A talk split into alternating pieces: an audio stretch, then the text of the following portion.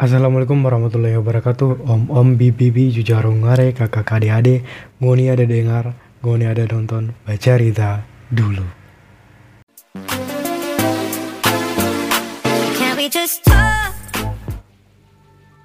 Oke teman-teman bagaimana kabar di awal tahun 2023 Pasti kalian ada yang kaget Kalau Baca Rita dulu sekarang sudah dalam bentuk video podcast.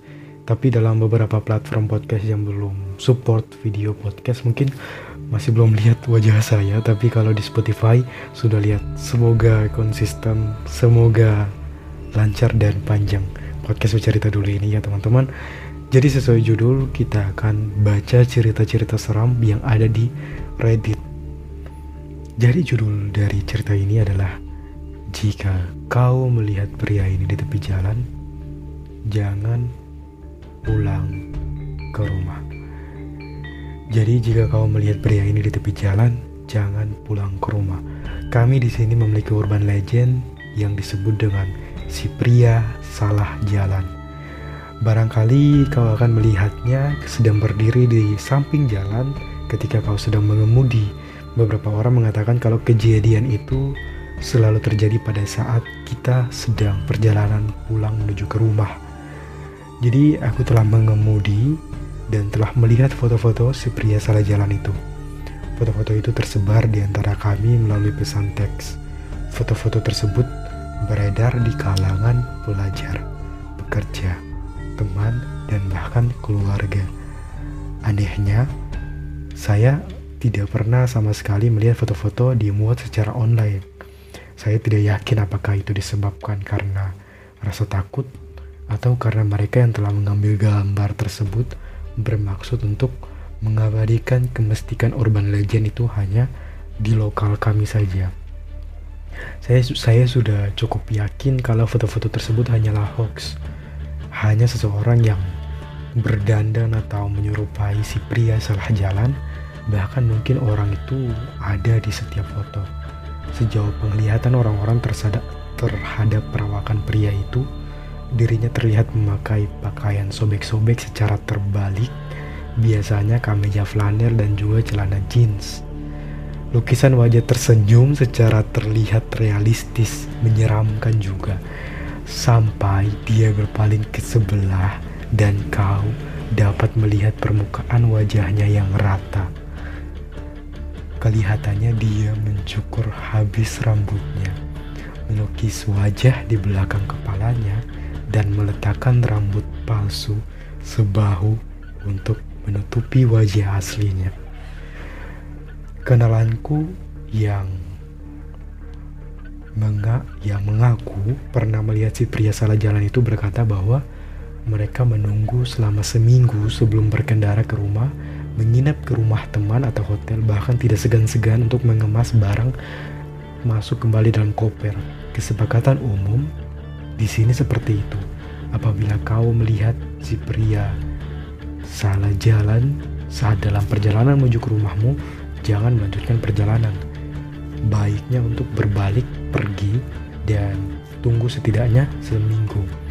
Saya mengira itu hanyalah omong kosong belaka sampai pada suatu hari saya bertemu dengan si pria salah jalan. Ketika kami dalam perjalanan pulang ke rumah dari bioskop. Jadi Katilah melihatnya. Dia bilang kalau pelan-pelan. Saya rasa saya melihat si pria jalan itu yang kau ceritakan. Kati ini baru saja tinggal di kota saya selama setengah tahun.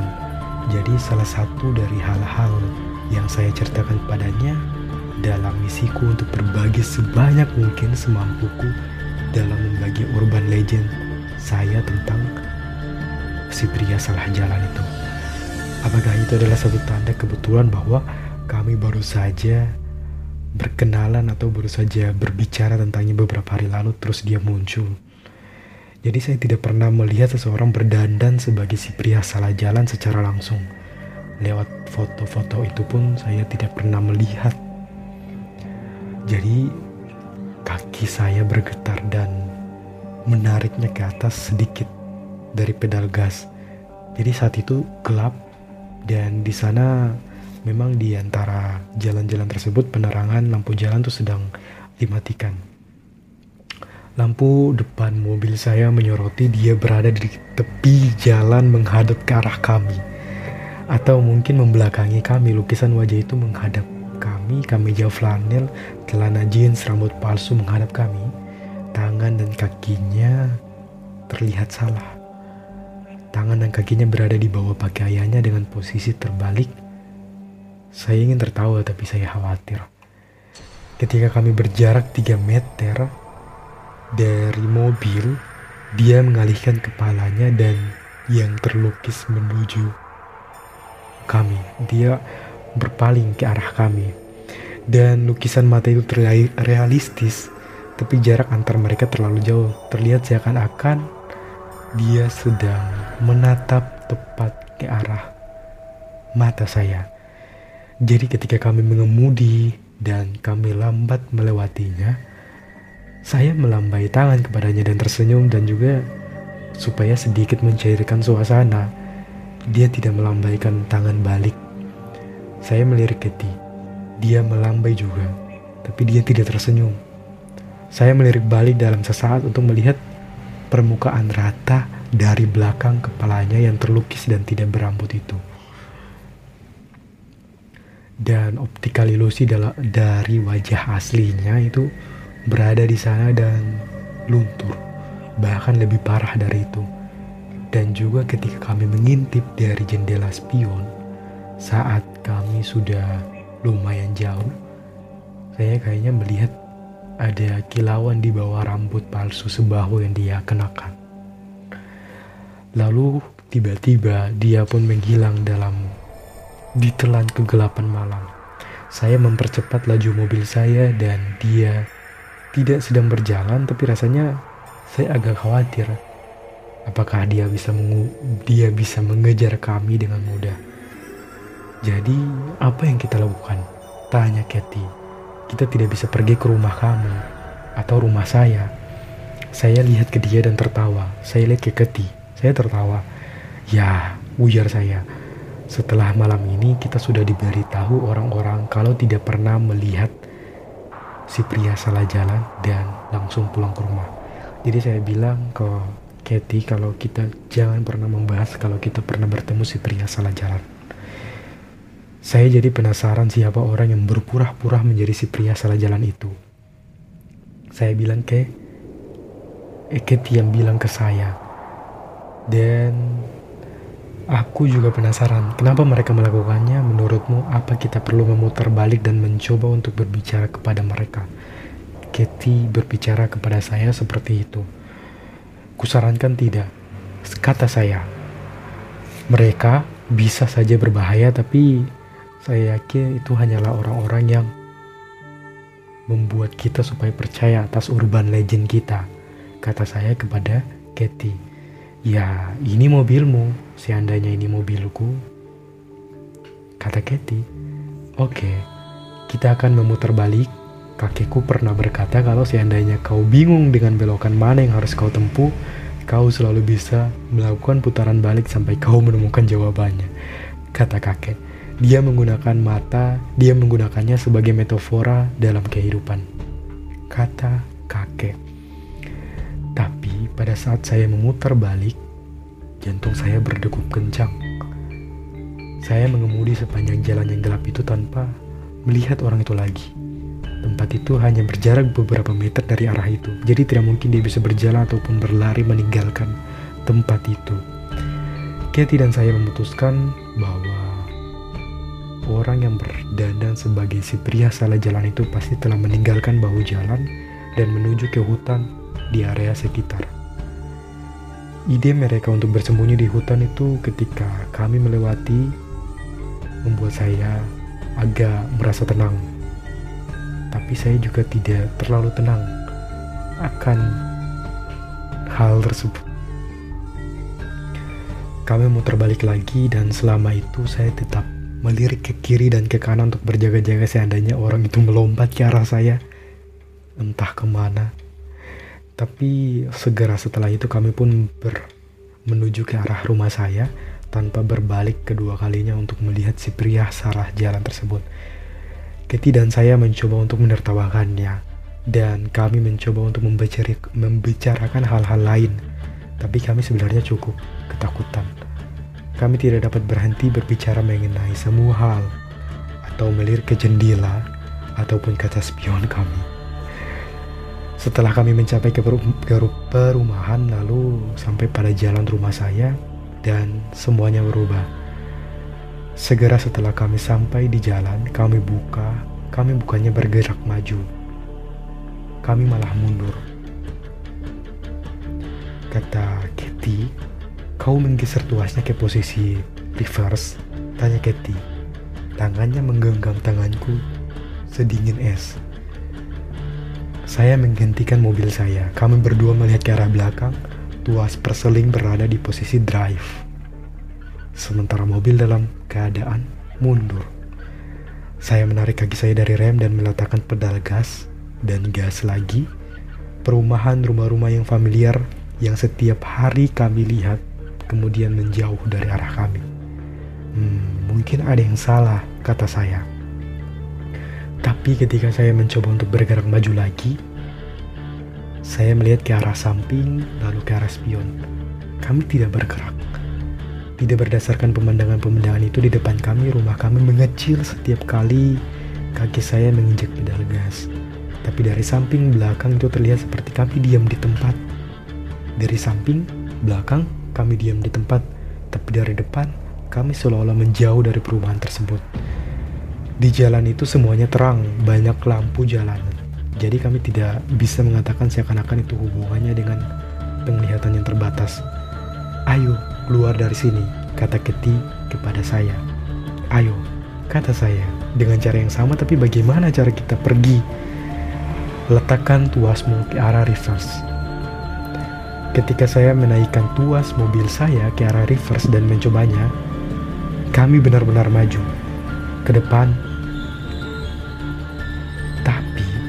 dari samping ke belakang, sekali lagi kami tidak terlihat bergerak. Jadi dari depan kami terlihat maju, tapi dari samping kami tidak terlihat bergerak. Seakan-akan kami hanya terjebak tepat setelah melewati jalur masuk ke arah perumahan saya. Itu adalah saat saya dan Katie menghentikan mobil berdebat untuk keluar lalu kami melihat seseorang datang ke arah kami dari tepi jalan. Dia mendekati ke arah kami dari depan mobil.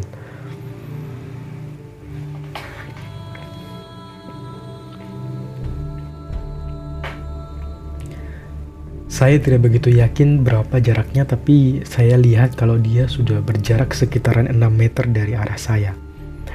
Saya tidak tahu. Membutuhkan waktu beberapa lama untuk menyadari peristiwa ini. Mungkin ini karena sesuatu yang saya tidak ingin.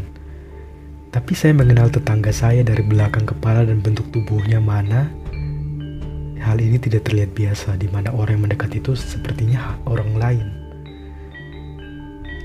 Saya juga sering melihat dia berhenti bekerja di kebun dan juga saya sedang sering melihat dia berkendara. Dia sedang berjalan berbalik menuju ke arah kami. Dari jadi dia dalam posisi berbalik menuju ke arah kami. Dia mendekat lalu dia terdiam, lalu dia mulai berteriak. Uga, uka, klonot, uka, klonot lagi dan lagi berdiri di tempat punggungnya menghadap ke arah kami. Baru setelah itu saya tersadar kalau dia mengatakan tolong aku, tolong aku secara berbalik badannya. Saya menurunkan jendela mobil. Pak Nelson ada apa kata saya. Dia berhenti berteriak. Sekarang karena jendela saya terbuka, saya mendengar badannya berdetak dan patah. Darahnya tumpah dari celah-celah pergelangan tangan dan kakinya. Berubah secara drastis ketika kepala Pak Nelson terpelintir ke arah kami. Eh, Pak Nelson berbalik dan terpelintir ke arah kami dan saya lihat kalau cahaya keluar dari arah matanya. Kemudian apa pun yang kemudian apa pun yang telah diambil alih oleh tubuh Pak Nelson selangkah arsitektur baru dari tubuhnya. Saya dan Katie berteriak pada saat itu. Saya menaikkan jendela mobil saya, Pak Nelson melompat-lompat dengan kaki yang tidak manusiawi. Lutut dan sikunya telah merenggang berlebihan. Efek dari pelintiran tersebut, saya meletakkan kaki saya pada pedal, pedal gas dengan tuas yang masih reverse dalam posisi reverse. Dan jendela depan kami terlihat meluncur ke arah depan meskipun dari arah-arah samping mobil terlihat kami masih dalam posisi yang sama dan kami menabrak Pak Nelson. Darah bercipratan di arah mobil saya, mobil saya terselandung, kami melewati Pak Nelson. Dari sisi samping belakang tidak ada indikasi kalau mobil itu tersandung. Saya tidak melihat tubuhnya muncul di belakang kami. Saya tetap melihat kaki saya pada pedal gas dan melihat mobil saya bergerak maju dalam keadaan mundur. Saya melihat jendela rumah tetangga saya dalam kondisi pecah. Sepasang suami istri yang kurang saya kenali merangkak keluar seperti seorang bayi yang baru saja menetas, bersimbah darah dan lebih banyak darah ketika mereka melukai dirinya sendiri dengan pecahan kaca di bingkai jendela. Saya tidak yakin apa yang mereka lakukan dan apa yang mereka yakini dan apakah mereka tidak tahu bagaimana cara membuka jendela Ketika si istri berhenti tepat di jendela, dia tersenyum. Dia dengan sengaja menggesekkan kepalanya dengan pecahan kaca yang tajam. Daging dan darah segar Kurasa saat itu saya melihat putihan tulang kepala. Saat itu suaminya yang telah berada di tanah berlari ke arah kami. Saya melaju ke depan. Mereka dan rumah mereka menghilang dari arah samping dan belakang kendaraan yang mana lagi-lagi saya masih terjebak di arah perumahan menuju ke rumah saya. Jadi tiba-tiba semakin banyak orang keluar dari rumah mereka. Mereka keluar dengan bagian tubuh yang terlilit dan rusak. Semakin mereka melukai diri mereka, ketika mereka keluar, mereka berlari ke arah kami dengan kaki yang terbalik. Menumpa-numpa tangan terbalik mereka dari belakang semua tentang mereka tidak lagi hal yang benar. Tak lama dari itu, saya mendapati diri saya menginjak rem. Jangan berhenti, kata Katie yang di dalam mobil itu. Kita akan dikejar mereka. Jadi dari arah depan, saya melihat halaman rumah saya sendiri seseorang yang terlihat seperti sedang berbicara dengan orang lain dengan wajah lukisan. Wajah lukisan itu mengangguk itu mengangguk naik dan turun ya seperti lukisan asli. Kemudian saya melihat rambut palsunya bergerak sendiri. Saya tersadar kalau wajah asli di balik rambut palsu itu sedang berbicara, menggerakkan bibirnya, bernafas. Si pria salah jalan sedang berbicara kepada saya atau seseorang yang terlihat seperti saya di depan sana. Di saat yang bersamaan, Katie mencoba menggapai saya dengan putus asa meletakkan kakinya pada pedal gas. Beberapa potongan tulang yang berlilitan dan daging daging yang bertumpukan pada kaca depan mobil saya, dua wajah dengan tumpukan lipatan leher yang menatap saya dengan wajah sayu, mata sayu. Wajah-wajah itu adalah wajah-wajah yang seharusnya saya kenal. Tangan mereka berlilitan lanjut memukul-mukul kaca mobil saya. Meskipun mata mereka memberitahu kepada saya bahwa jiwa mereka sudah keluar dari tubuh. Retakan berbentuk jaring laba-laba menyebar pada kaca depan mobil saya. Celah-celah retakan itu tergenangi oleh darah. Saya menghantarkan kaki saya pada pedal, pedal gas sambil membantu Katie duduk kembali pada mobil di dalam mobil di kursi samping saya. Kami berhasil menyingkirkan mereka dan tepat setelah itu kami pun menabrak seluruh keluarga-keluarga secara beruntun dengan mobil. Saya tidak memiliki waktu untuk merasa bersalah. Mereka bukan tetangga saya, mereka bukan tetangga saya, bukan. Katie dan saya mulai berubah. Saya mendengar beberapa tulang patah. Saya merasakan sesaat kemudian seperti ada sambaran petil kemudian disusul oleh suara kemudian. Katie dan saya berteriak hampir secara bersamaan dan dengan nada yang sama. Rasanya seperti paduan suara, rasa sakit, rasa takut yang baru saja dimulai. dengan semua instrumennya. Sandarkan kepalamu, teriak saya. Saya mencoba untuk memastikan bahwa kepala saya melekat pada kursi. Jangan membiarkan terpelintir. Tidak peduli apa pun yang terjadi pada sisa tubuh kita, kita tidak boleh membiarkan mereka membunuh kita. Saya tahu, ucap Katie. Cukup kau keluarkan mobilmu dari sini, memutarkan balik mobil itu, apa pun yang terjadi, kata Katie kepada saya. Memutar balik, pikir saya. Seperti apa yang kakek saya katakan tentang hidup tadi, bagaimanapun jika kau tidak mengetahui apa yang harus dilakukan, kau selalu dapat memutar balik. Tuas berada dalam posisi reverse, namun masih tetap masih tetap berjalan ke depan. Saya membanting setir sampai terdengar suara decitan roda mobil saya. Saya tidak melirik ke sisi samping dan belakang. Saya terus melaju menuju kembali ke arah tempat kami masuk. Si pria salah jalan itu menunggu. Dia menungguku di persimpangan antara halaman rumah saya dan jalanan. Mulut lukisan itu selama-lamanya menyeringai Mata lukisan itu terlalu lebar dan juga tak kuncup. Berkedip. Kami melewatinya, berkendara keluar dari kompleks perumahan yang berbagai hal aneh kami sudah alami. Saya dan Kitty masih belum keluar dari jeritan masalah itu. Saya dapat bahwa saya dapat membawa kami sampai pada stasiun gas terdekat sebelum kaki dan tangan saya gemetaran yang mana sebagiannya telah terpelintir dan mengalirkan darah yang benar-benar berhenti berfungsi. Saya di saat itu pingsan seketika tapi Katie memberitahu saya untuk tetap sadar sampai ambulans tiba. Saya tidak iri padanya. Kami menghabiskan berbulan-bulan di rumah sakit dengan tulang-tulang yang patah juga persendian dan otot yang sobek.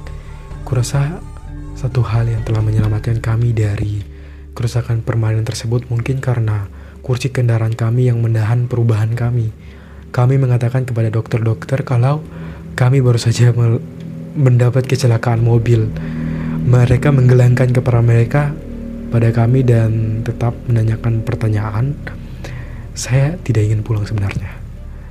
Kami berdua tidak ingin alasan kenapa alasan kenapa saya pulang ke rumah adalah adalah karena salah satu dari tetangga yang telah kami tabrak datang ke rumah sakit untuk mengunjungi saya, mereka terlihat baik-baik saja, seakan-akan tidak pernah terjadi, tidak ada terjadi peristiwa-peristiwa sebelumnya dengan si pria salah jalan, tidak pernah mengubah mereka menjadi apa pun itu. Tetapi kerusakan yang terjadi pada kendaraan saya dan juga yang pada saat itu sedang bersama-sama dengan Katie itu tetap terjadi kerusakan mobil tersebut. Secara mental dan fisik dan selama tubuh kami dalam perawatan, kurasa saya dan Katie tidak akan pernah sama lagi. Sekian teman-teman, ini adalah cerita horor yang saya bacakan dari Reddit dengan judul Jika kau melihat si pria ini di tepi jalan, jangan pulang ke rumah. Sekian podcast bercerita dulu edisi baca cerita horor. Wabillahi taufiq walhidayah. Wassalamualaikum warahmatullahi wabarakatuh.